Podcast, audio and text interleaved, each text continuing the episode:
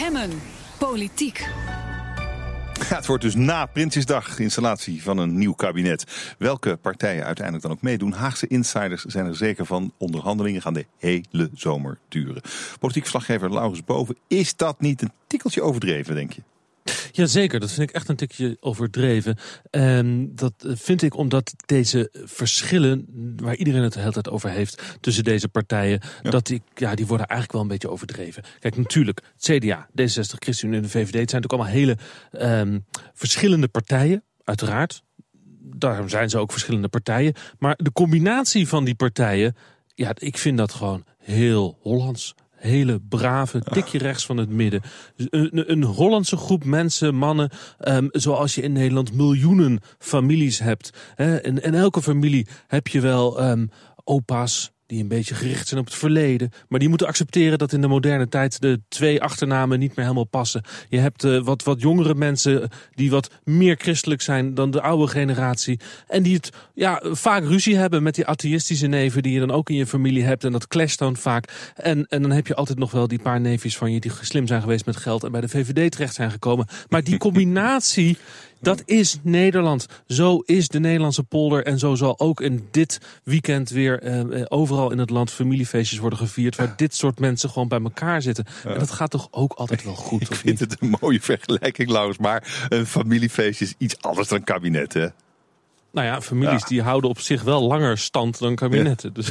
Noodgedwongen. Je kan ja, noodgedwongen. Nemen van je nee, natuurlijk wordt er vaak ruzie gemaakt in families. En is het natuurlijk allemaal wat anders. Nee, maar het gaat erom dat het een regering is van een land. En als je zo ongelooflijk focust op die paar verschillen... ja, dan wordt het ook wel heel erg ingewikkeld. Terwijl um, er zitten bij deze groepen. Uh, er zijn geen, geen linkse mensen in, in dit groepje. Dus in die zin zou het al een stuk makkelijker moeten zijn. je hebt niemand die het kapitalisme omver wil werpen. Ja, de, de, de, ChristenUnie is dan wat linkser, maar dat zijn gewoon linkse christenen. Dat zijn, niet, uh, dat zijn geen socialisten. Dat zijn geen Partij voor de Dieren mensen die een totaal ander economisch of wereldbeeld hebben dan die andere partijen. Het valt allemaal wel mee. Oké, maar goed dat ze dan toch de hele, de hele zomer nodig uh, denken te hebben. Althans, de, ja, jij en je collega's denken dat. Wat is daar dan de logica achter?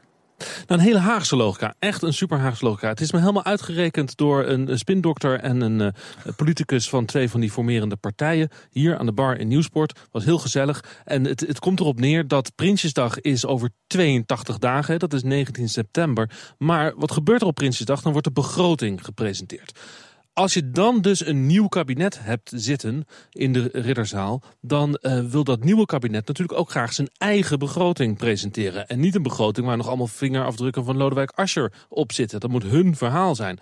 Dat betekent dat ze die begroting dus ook moeten maken. Nou, en dan uh, verschuift de hele deadline opeens anderhalve maand naar voren. Want dan heb je het niet over 19 september, maar over begin augustus. Want dan moet de begroting klaar zijn. Hm. dan moet hij naar de Raad van State, naar het Centraal Planbureau. Die moeten er nog van alles van vinden. En dan heb je nog wat discussies over koopkrachteffecten. Dus dan zit je opeens begin augustus. Dan moet hij dus af zijn.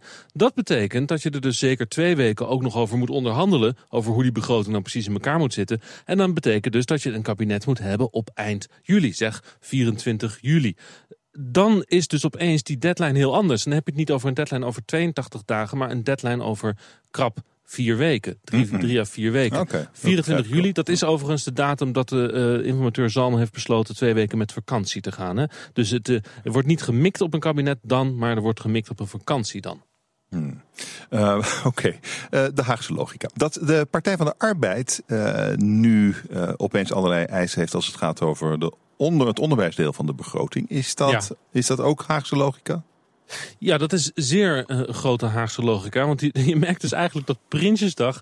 Uh, we zitten nog steeds in de maand juni... maar Prinsjesdag in september, na de zomer... Uh, blokkeert dus van alles. Hè. Het zet echt iedereen een beetje klem. Iedereen zit te wachten op dat moment. Dat zijn dus de formerende partijen... die dus eigenlijk de onderhandeling moeten rekken tot na die datum. En de Partij van de Arbeid zit ook in zijn maag met dat Prinsjesdag. Want zij zullen dus die begroting nog moeten maken. Maar onmiddellijk na Prinsjesdag, ga er maar vanuit, een, een, paar dagen na Prinsjesdag zal er een nieuw kabinet zijn. Dan wordt de Partij van de Arbeid het kabinet uitgeknikkerd en moeten ze opeens oppositie gaan voeren, voeren tegen de begroting die ze net hebben opgesteld. Dat werkt natuurlijk ook niet. Vandaar dus dat de Partij van de Arbeid nu zo hamert op van nee, maar het moet wel een begroting zijn waar dingen in zitten waar wij het mee eens zijn. Want anders krijgen we er van langs volgend jaar bij de, als wij opeens een oppositiepartij zijn. Dus het zou zeer goed kunnen dat deze hele situatie die we nu in Den Haag nu hebben, ertoe leidt dat de Partij van de Arbeid ergens in deze zomer, tijdens die onderhandelingen, dus eind juli, begin augustus, over de begroting, opeens uit het kabinet stapt. Omdat ze er niet in slagen um, hun punten erin te krijgen in die begroting. En dat ze dan maar zeggen, dan maar niet, want anders zijn wij gebonden uh, straks na Prinsjesdag en kunnen we geen oppositie meer voeren. Lesje Haagse logica. Laurens Boven, dankjewel.